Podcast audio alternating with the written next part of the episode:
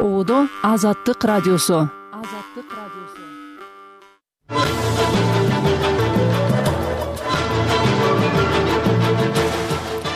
фредем хаус уюму кыргызстанды төртүнчү жыл катары менен эркин эмес мамлекеттердин катарына кошту бишкек өлкөдө сөз эркиндигин коргой турганын айтып келатат.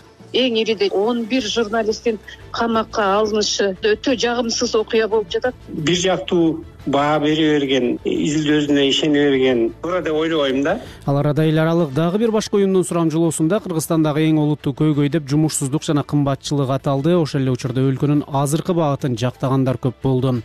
Бириккен улуттар уюмунун баш катчысы газадагы соңку чабуул боюнча иликтөө жүргүзүүгө чакырды. Бишкекте мыйзамдуулугу талаш жараткан имаратка байланыштуу мэрия менен жашоочулардын ортосунда тиреш болууда канча жылдап жебей ичпей топтоп үйдү алганбыз? Анан бүгүн келип эле көчөгө чыгарып койгон бул туура эмес.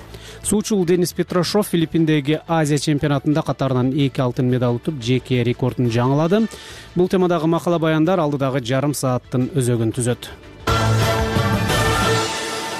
саламатсызбы? Бүгүн биринчи март азаттыктын студиясында санжар эралиев азыр жаңылыктар түмөнбай абдинеби уулунан рахмат саламатсызбы? Газада бир учурда жүздөн ашуун адамдын өмүрүн кыйган чабуул боюнча көз каранды эмес иликтөө жүргүзүү зарыл экенин бириккен улуттар уюмунун баш катчысы антонио гутереш билдирди. Бул тууралуу ал жыйырма тогузунчу февралда сант винсент жана гренадин өлкөсүндө латын америкасы жана кариб бассейн аймагындагы өлкөлөрдүн кезектеги саммитинде сүйлөп жатып айтты.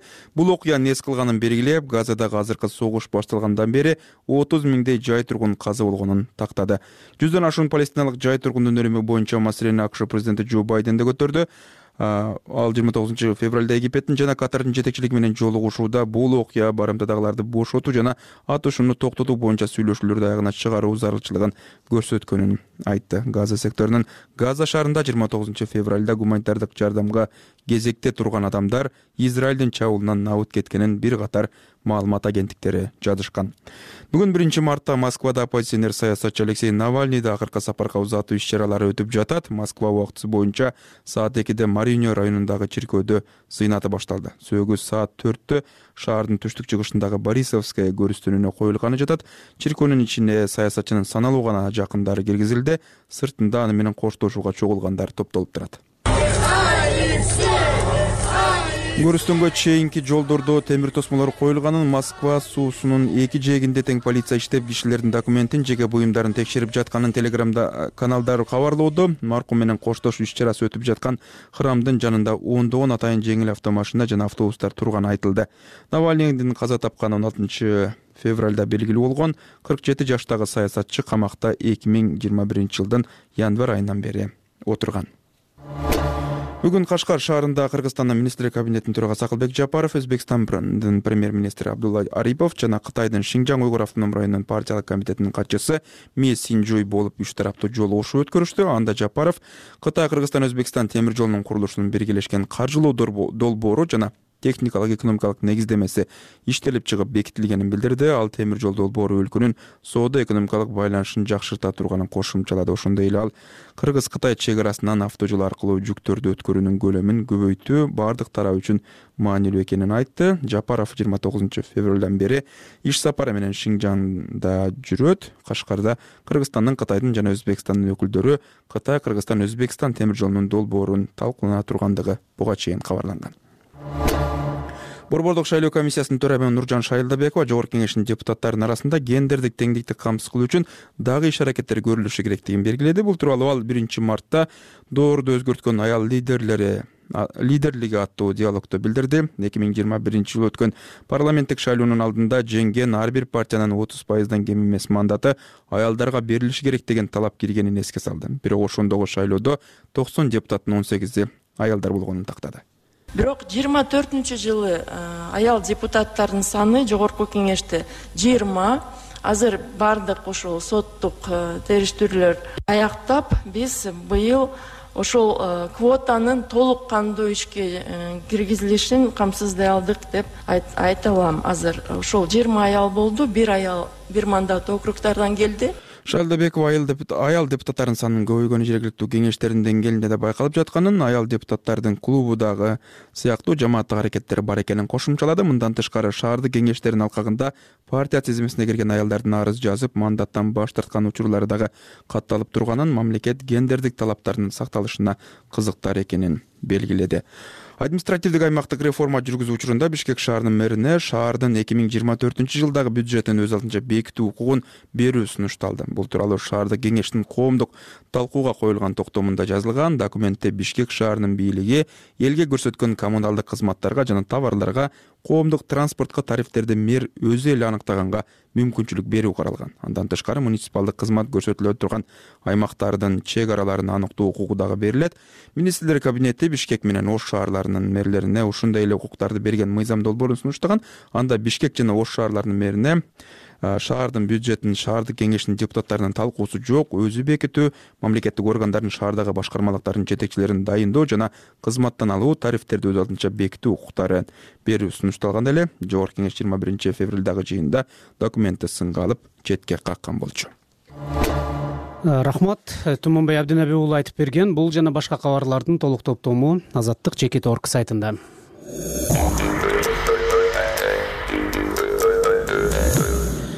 house эл аралык уюмунун жаңы баяндамасында кыргызстан төртүнчү жыл катары менен эркин эмес мамлекет аталды. Баяндама ушул тапта өлкөдө он бир журналист камалган клубтун сайты бөгөттөлгөн жыйырма төрт kж агенттигинин кеңсесине мөөр басылган учурга туш келди.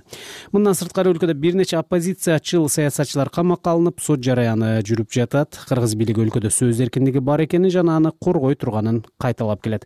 Канымгүл элкеева кененирээк токтолот freedom house эл аралык уюмунун жыйырма тогузунчу февралда жарыяланган баяндамасында дүйнөнүн көпчүлүк аймактарында эркиндиктин абалы начарлап баратканы белгиленген баяндамада белгиленгендей дүйнөдө эркиндик деңгээли он сегизинчи жыл катары менен төмөндөп баратканы байкалууда. Дүйнө калкынын бештен бир бөлүгү жашаган элүү эки өлкөдө саясий укуктар жана жарандык эркиндиктер чектелүүдө. Ал эми жыйырма бир өлкөдө эркиндиктин абалынын жакшыруу тенденциясы бар. Ал эми кыргызстандын жалпы баллынын төмөндөсү он эки деген көрсөткүчкө жетип төртүнчү жыл катары менен эркин эмес деген өлкөлөрдүн катарына кошулду. Былтыр аталган уюм өлкөдө саясий укуктар чектелип маалымат каражаттары басымга туш болгонун жазган. Абалы начарлаган өлкөлөрдүн арасында тажикстан орусия ооганстан түркия азербайжан да бар.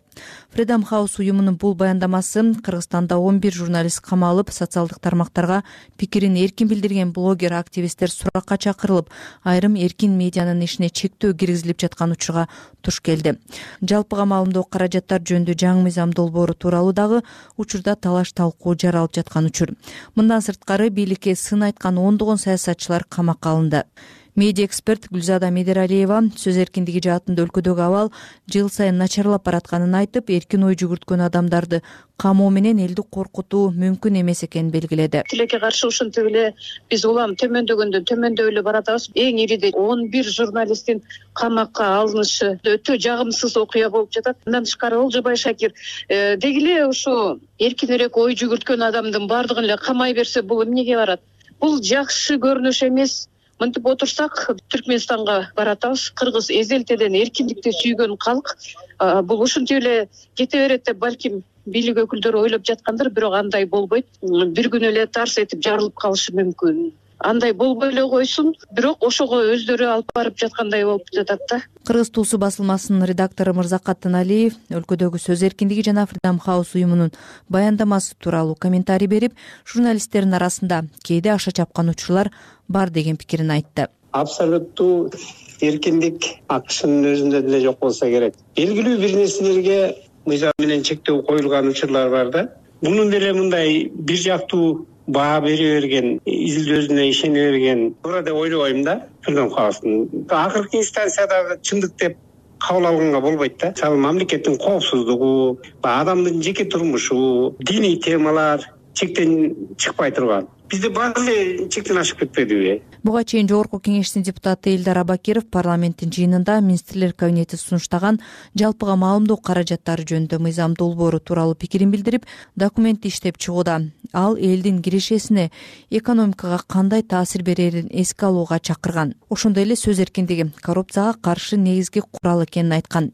Юрист таттыбү эргешбаева кыргызстандын эркин эмес өлкөлөрдүн катарынан чыкпай жатышы эл аралык аренадагы аброюна дагы таасирин тийгизет деп эсептейт. Кредиттик жана гранттык колдоолорго чоң таасирин берет. Авторитардык өлкөлөрдө көбүнчө грант колдоолор азаят. Кыргызстан мисалы тышкы карызында азыр көбүнчө кытайга көз карандуу. Гранттык көбүнчө эмнелерди азиатский банк развития всемирный банк европейский банк развития федеративная резервная служба көбүнчө ошондой институттардан биз алабыз да. Ошолор бизге карата колдоосун азайтып коюшу мүмкүн. Баш кеңсеси вашингтондо жайгашкан фридом хаус уюмунун быйылкы отчетунда жалпысынан жүз токсон беш өлкө камтылган.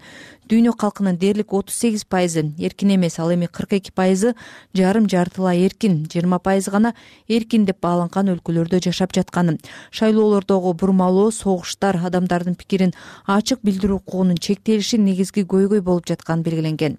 Кыргызстан эки миң тогузунчу жылдан бери борбор азиядагы жападан жалгыз жарым жартылай эркин өлкө деген макамын сактап келип эки миң жыйырма биринчи жылы эркин эмес өлкөлөрдүн катарына кошулган.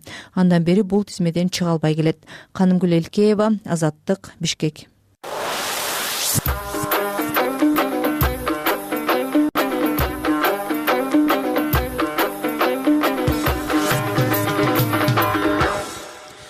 эл аралык республикалык институттун буйртмасы менен сиар изилдөө консалтинг компаниясы жүргүзгөн сурамжылоонун жыйынтыгы жарыяланды. Анда кыргызстандагы учурдагы эң олуттуу көйгөйлөрдүн бир катары кымбатчылык жана жумушсуздук айтылган.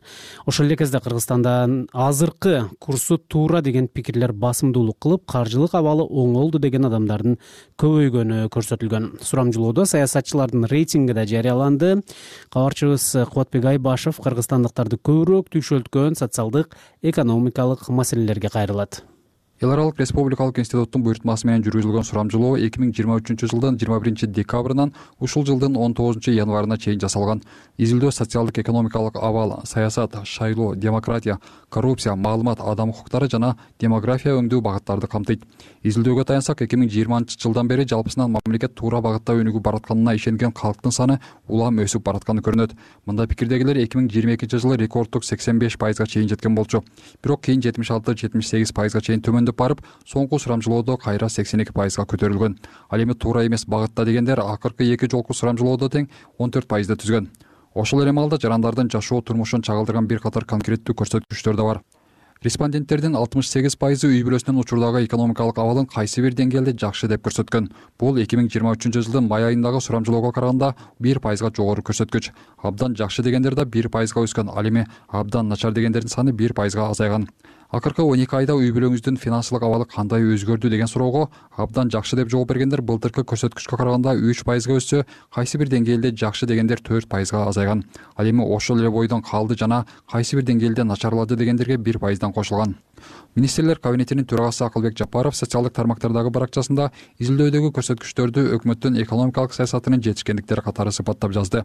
Сурамжылангандардын жыйырма жети пайызы мамлекет үчүн эң олуттуу көйгөй деп жашоо деңгээлинин абалын жана баалардын кымбаттыгын көрсөткөн. Бишкек шаарынын тургуну нургазы мусаев кыргызстанда кымбатчылык калың калкты кыйынчылыкка кептеп чакырлардын айласын курутуп баратканын айтып турат. Негизги мүлк болгон үй салуу чоң бир ишканаларды ачуу бизнес ачуу деген биякта турсун. Жөн азыр жан багуу мындай сапаттуу тамактануунун өзү кыйын болуп калды да. Ошон үчүн азыр миграция күчөп мурун россияга болчу негизинен. Азыр европада дагы күчөп. Мен айрыкча мына кафелердин чайкаралардын тамагы кымбаттаганына аябай таң калып атам да. Эки эсе кымбаттап кетти да мисалы жөнөкөй бишкек шаарында жөн эле бир мындай. Немеге кирсең беш сомсуз бир адам тойбой калды. Жалпы эл мындай жакырлангандан жакырланып атат да. Социалдык маселелер боюнча серепчи жамила тогузбаева мамлекеттик кызматкерлердин кирешеси өскөнү калктын кирешесине бир топ огожо болуп калганын айтат.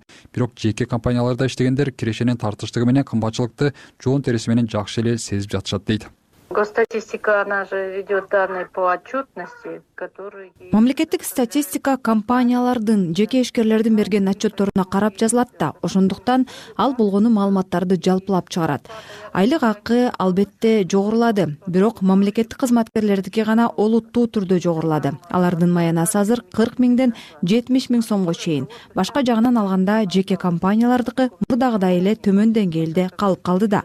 Мамлекеттик кызматкерлер бир кыйла көп болгондуктан статистиканы эсептегенде маянанын өскөнүн көрсөтөрү турган иш.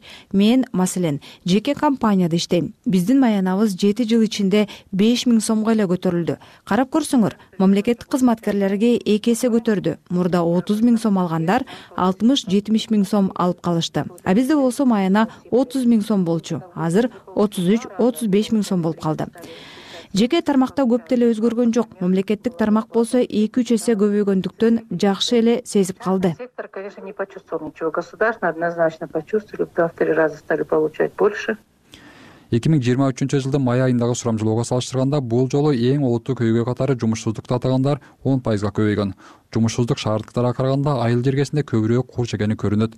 Ал эми шаар калк үчүн каражаттын жетишсиздиги баалардын кымбаттыгы социалдык төлөмдөрдүн аздыгы жана турак жай маселеси алдыңкы планда турат. Кубатбек айпашев азаттык эл аралык темага өтөбүз. Бириккен улуттар уюмунун башкы катчысы газадагы соңку чабуул боюнча иликтөө жүргүзүүгө чакырды. Жыйырма тогузунчу февралда газа секторунун газа шаарында жыйырма тогузунчу февралда э, гуманитардык жардамга кезекте турган адамдар израилдин чабуулунан набыт кеткенин бир катар маалымат агенттиктери жазган. Газанын саламаттык сактоо министрлиги тыгындын кесепетинен жүз он эки адам каза болуп эки жүз сексени жарадар болгонун кабарлаган кененирээк айгерим акылбековадан угабыз дрон аркылуу тартылган кадрларда газада гум жардам ташыган унаалардын айланасында чогулган жүздөгөн адамды көрүүгө болот. Израиль өкмөтү жыйырма тогузунчу февралда газада гум жардам ташыган унаалар жайкын тургундарды тебелеп каза болгондор болгонун билдирген. Акш жана евро биримдикте террордук уюм деп таанылган хамас тобу көзөмөлдөгөн газа секторун саламаттык сактоо министрлиги окуяда жүз он эки адам каза болгонун кабарлады. Палестинанын бириккен улуттар уюмундагы өкүлү рият мансур жети жүздөн ашуун адам жаракат алганын айтууда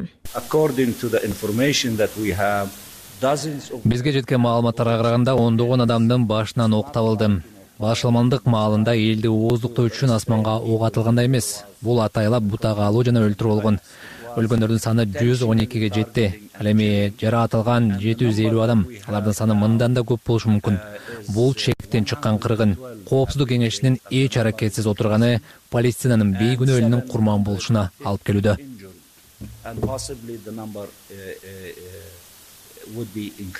газа тилкесиндеги камал адван жана ал ауд ооруканаларында түрдүү жараат менен ондогон адамдар түшкөнү кабарланды. Израиль армиясынын басма сөз катчысы контр адмирал даниэль хагари буларды айтууда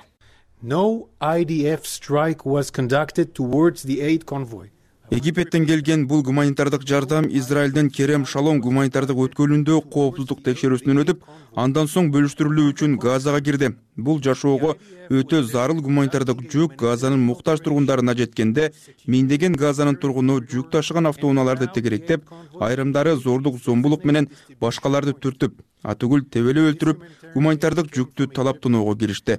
Тилекке каршы бул кайгылуу окуяда ондогон газалык өлтүрүлүп жана жараат алды ушул эле жыйырма тогузунчу февралда бириккен улуттар уюмунун баш катчысы антонио гутереш газа тилкесинде гуманитардык жардам издеп келген адамдардын өлтүрүлүшү эффективдүү көз карандысыз иликтөөнү талап кылган кырдаал экенин айтты. Ал бул пикирин аймактык саммиттин алдында сент винсент жана гренадин аралдарында билдирген. Буунун баш катчысы ушул эле кезде газадагы азыркы согуш башталгандан бери отуз миңдей жай тургун каза болгонун кошумчалаган. Франциянын бириккен улуттар уюмундагы элчиси николя де ривьер буларды айтат биз ар дайым карапайым элге каршы кол салууларды айыптап келгенбиз. Кризистин башынан бери франция баардык тараптарды эл аралык укукту жана өзгөчө эл аралык гуманитардык укукту сыйлоого чакырып келет. Женева конвенциялары муну абдан ачык көрсөтөт. Жарандык инфратүзүмдөр жана гуманитардык жардам кызматкерлери эч качан бутага алынбашы жана алар корголушу керек. Газа тилкесиндеги гуманитардык абал жана карапайым калктын абалы күн сайын начарлоодо жүздөн ашуун палестиналык жай тургундун өлүмү боюнча маселени акш президенти жо байден да көтөрдү. Жыйырма тогузунчу февралда египеттин жана катардын жетекчилиги менен жолугушууда байден бул окуя барымтадагыларды бошотуу жана атышууну токтотуу боюнча сүйлөшүүлөрдү аягына чыгаруу зарылчылыгын көрсөткөнүн айтты. Газа сектордун газа шаарында бир күн мурун гуманитардык жардамга кезекте турган адамдар израилдин чабуулунан абыт кеткенин бир катар маалымат агенттиктери жазышкан эле. Газа секторундагы аскердик операциясын израиль былтыр жетинчи октябрда хамас тобу кол салып бир миң эки жүз кишини анын ичинде аялдарды улгайган адамдарды жана балдарды өлтүрүп эки жүз элүүдөй адамды газага барымтага алып кеткенде баштаган. Газанын хамас көзөмөлдөгөн саламаттык сактоо мекемеси ошондон бери сектордо отуз миңге чукул палестиналык жай тургун арасында аялдар жана балдардын абат кеткенин билдирүүдө. Көптөгөн өлкөлөр израилде жай тургундар курман болуп жаткан ашкере зомбулукка айыптоодо израилдик аскерлер бутага хамастын согушкерлери гана алынып келатканын алар жай тургундарды тирүү калкан катары колдонуп жатышканын айтууда тынчтык сүйлөшүүлөрү акшнын египеттин жана катардын ортомчулугу менен жүрүп жатат. Муна сатабылса атышу токтоп хамас барымтадагы израилдиктерди израиль камакта кармап турган палестиналыктарды бошотууга милдеттүү болушары айтылып келет. Айгерим акылбекова азаттык жергиликтүү темага кайтабыз. Бишкек мэриясы суяркулов көчөсүндөгү көп кабаттуу имарат коммерциялык максатта соода борбору катары курулган деп тургундардын чыгып кетишин талап кылууда учурда алтымыштан ашык үй бүлө батир сатып алып жашап жатат ал жерде. Алар көптөн бери үйдүн дубалына соос деген жазууну илип алып турак жайда мыйзамсыз жашап жатат деген шаар бийлигинин дооматтарына нааразылык билдиришүүдө. Февралдын ортосунда бул жерге шаар мэри барып биринчи мартка чейин чыгып кетүүнү аларга тапшырган кундуз кызылжарова толугураак айтып берет бишкектин абдыс суяркулов көчөсүнүн он алты бир дарегиндеги көп кабаттуу имараттын электр жарыгы өчүрүлүп суу берүү биринчи март күнү токтотулду. Бишкек шаарынын вице мэри азамат кадыров комиссия түзүлгөн бүт баарын маалыматтар алынган арасында мүлктөрү да барлар арасында э, көлдө коттедждери бар жарандары бар мынакей свет суу өчүрүлдү. Бул коопсуз жарандардын коопсуздугун сакташ үчүн э, кызматкерлер көзөмөлгө алат. Эгерде мүлкүңөрдү алып кетебиз десеңер тоскоолдук берилбей мүлктөрүңөрдү биздин кызматкерлер жардам берет.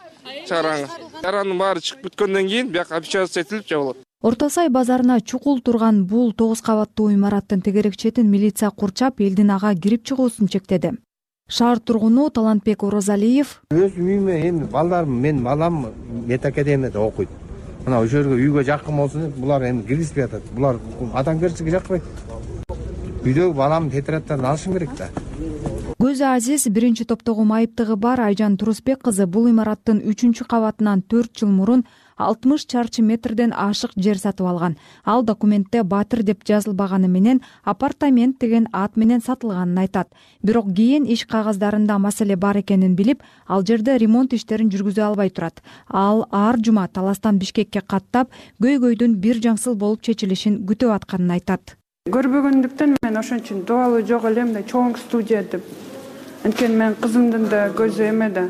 Анан экөөбүз ар кайсы жерде стукать истетпей кийин ошо ызы чуулар болуп отуруп биз азыр ушундай мындай офиске түшүп келип атабыз. Ичин жасап берем андай мындай деген эчтеке жок. Бул дубалдарды да биз өзүбүздүн акчабызга тургуздук да. Айжанга окшош мында алтымыштан ашык үй бүлө бар. Алардын айрымдары миграцияда жүрүп тапкан акчасын эски үйүн автоунаасын жерин сатып болгонун бул жерге салганын айтышат. Бүайра кыпчакбаеванын жашы жете элек төрт баласы бар. Ал майда балдары менен жалгыз күйөөсү чет жакта иштеп үй бүлөсүн багат экен. Бизге жардам бериңиздер. Биз кайда барабыз? Кыштын күнү суукта. Айлам кеткенден квартирада карап көрдүм бирок квартиранын бир комната квартира сыймай этейин десем элүү миң сом турат экен. Кайдан табам мен элүү миң сомду мен бизнесмен болбосом. Бүт эле карапайым эл бүт эле квартиранттардын үйү бул жерде. Элди ким коргойт? Канча жылдап топтоп ушул үйгө жебей ичпей топтоп ушул үйдү алганбыз андан аз келген элдин баары ремонтко акча кетирип ремонт кылды. Анан бүгүнү келип эле көчөгө чыгарып койгон бул туура эмес. Тургундар батирлерди мыйзамдуу сатып алганын айтып эч жакка көчпөйбүз дешет. Бирок мэрия имараттын электр жарыгы үч инстанциядагы соттун чечими менен өчүрүлүп суу берүү токтотулганын билдирди. Шаар бийлиги талаштуу имаратты квартал строй ишканасынын директору асыл талипова элге мыйзамсыз саткан деп жатат. Он жетинчи жылы жай айында экспертиза чыккан оң корутундусу тогуз этаж соода борбору деп. Ошол эле бир айдан кийин бизде реестрге турат. Надзор жүргүзүлүп келген. Жыйырма биринчи аягы жыйырма экинчи жылдары уже элдер кирип баштаганда биз штраф салып тийиштүү мекемелерге кат жөнөткөнбүз. Самовольный эксплуатация болуп атат. До ввод эксплуатация бул жерге адам киргенге даже бул жерге ввод эксплуатациядан кийин дагы жашаганга болбойт. Анткени бул соода борбору деп айтты мамлекеттик курулуш агенттигинин бишкек шаары боюнча көзөмөлдөө бөлүмүнүн башчысы самат селибаев былтыр апрелде жогорку сот бул имараттын жашоочулары менен асыл талипова аттуу жаран жетектеген квартал строй компаниясынын келишимдерин мыйзамсыз деп тапкан. Ишкананын ээси талиповага соода жайын мыйзамсыз сатуу фактысы боюнча кылмыш иши козголуп ал камалган талаштуу имарат нуржанат лтд компаниясына тиешелүү экени көрсөтүлгөн. Бул ишкана бишкек мэриясынан коммерциялык муктаждыктар үчүн деп белгиленген он эки сотук жерди кырк тогуз жылга ижарага алган нуржанат лтднын юристи нурбек сабиров буга чейин курулушка чет өлкөлүк инвесторлор үч миллион доллар салганын жалданма компания квартал строй элге баатыр кылып сатып жибергенин айткан. Курулуштун долбоору боюнча тогуз кабаттуу имараттын эки кабаты бизнес үчүн жогорудагы кабаттары жумуш кеңсеси деп пландалган кундуз кызылжарова азаттык бишкек. Кыргызстандык сууда сүзүүчү денис петрошов филиппинде өтүп жаткан азия чемпионатында катарынан эки алтын медаль утуп жеке рекордун жаңылады. Муну менен ал азиянын төрт жолку чемпиону болду. Сөздү гүлжан турдубаева улантат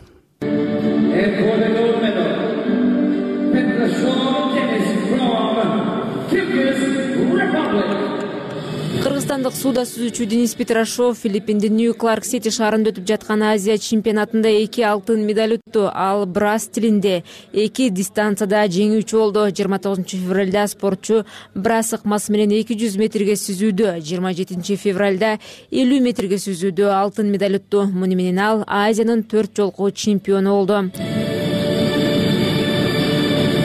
буга чейин эки миң он жетинчи жылы брас ыкмасы менен жүз метрге сүзүүдө. эки миң он тогузунчу жылы ушул эле ыкма менен эки жүз метрге сүзүүдө азия чемпиону болгон спортчу азаттыкка курган маегинде азия чемпионатында атаандаштык курч болгонун айтты. Стал я двукратным чемпионом азии именно на этом чемпионате. Бул азия чемпионатында эки жолку чемпион аталдым атаандаштар азиянын баардык өлкөлөрүнөн келди.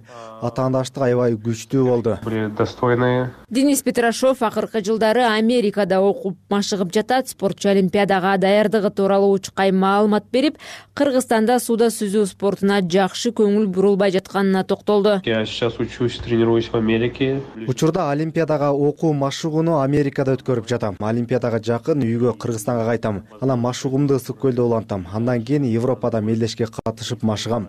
Албетте бизде олимпиадалык стандарттагы бассейн жок. Акыркы он жылдан бери бассейн курабыз деп сөз берип келишет. Ошондон бери курула элек анын курулбай жатканынын башкы себеби бизде сууда сүзүү спорту өтө популярдуу эмес. Анан албетте мамлекеттен сууда сүзүүгө жакшы көңүл бурулбай келет. Внимание для популяризации плавания в нашей стране. Кыргызстанда сууда сүзүү спорту анча популярдуу эмес. Андан сырткары олимпиадалык талаптарга жооп берген бассейндер жокко эсе болсо да жеке менчик бассейндер. Буга карабай кыргызстан сууда сүзүүдөн олимпиада оюндарына такай жолдомо алып келет. Денистин атасы евгений петрошов сууда сүзүү боюнча кыргызстандын спорт чебери үч жолу олимпиада оюндарына катышкан учурда ал улуттук курама команданын башкы машыктыруучусу. Ал париж олимпиадасына кыргызстандын сууда сүзүүдөн дагы бир жолдомо алууга мүмкүнчүлүгү бар экенин айтты. На чемпионат азии поехало шесть человек представлял кыргызстан бул азия чемпионатына алты киши катышты. Балдар абдан жакшы жыйынтык көрсөттү. Денис эки алтын байге утса калгандары өз көрсөткүчтөрүн жакшырта алышты.